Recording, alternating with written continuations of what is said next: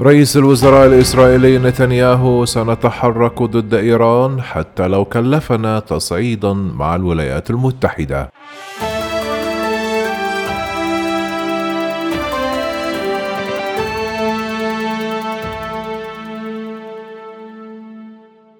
صرح رئيس الوزراء الإسرائيلي بنيامين نتنياهو اليوم الثلاثاء التأكيد عن أنه لن يتهاون بوجه التهديدات الإيرانية ولو كلفه ذلك الصداقة مع واشنطن وقال خلال مراسم تبديل رئيس الموساد التي أقيمت صباح اليوم إن أكبر تهديد لإسرائيل هو التهديد الوجودي المتمثل بالمحاولات الإيرانية التزود بأسلحة نووية.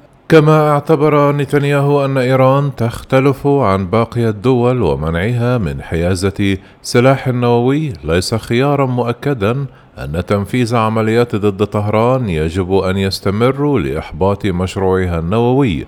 وتابع سواء كان الأمر يدور حول تهديدنا مباشرة بالتدمير من خلال استخدام الأسلحة النووية أم تهديدنا بعشرات آلاف الصواريخ التي تدعم بغلاف نووي؟ فيجب علينا أن نحارب تلك المشاريع بلا نهاية.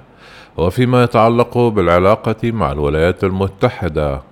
أردف قلت لصديقي منذ أربعين عاما جو بايدن بغض النظر إذا تم التوصل إلى اتفاق مع إيران أم لا سنواصل القيام بكل ما في وسعنا من أجل إحباط تزويدها بأسلحة نووية لأنها ببساطة تختلف عن باقي الدول التي تمتلك الأسلحة النووية ولذلك السبب الاحتواء ليت بمثابة خيار وارد بالحسبان. كما شدد على أنه إذا اضطرت إسرائيل للاختيار بين الاحتكاك مع الصديقة العزيزة الولايات المتحدة وبين إزالة تهديدها الوجودي فإزالة التهديد ستتغلب في إشارة إلى المجازفة بالعلاقة مع أمريكا مقابل حماية مصالح إسرائيل ووقف تهديدات إيران. وختم متوجها بالحديث إلى رئيس الموساد الجديد قائلا عليكم أن تفعلوا كل شيء لضمان عدم تزويد إيران بأسلحة نووية في أي حال من الأحوال.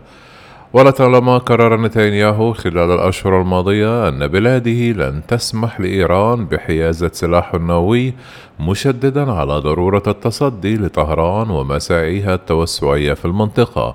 كما أعلن سابقا أن بلاده تمكنت من اختراق العديد من المعلومات حول البرنامج النووي الإيراني. وأمس أكد رئيس الموساد السابق يوسي كوهين أن إسرائيل تمكنت من التسلل إلى قلب إيران.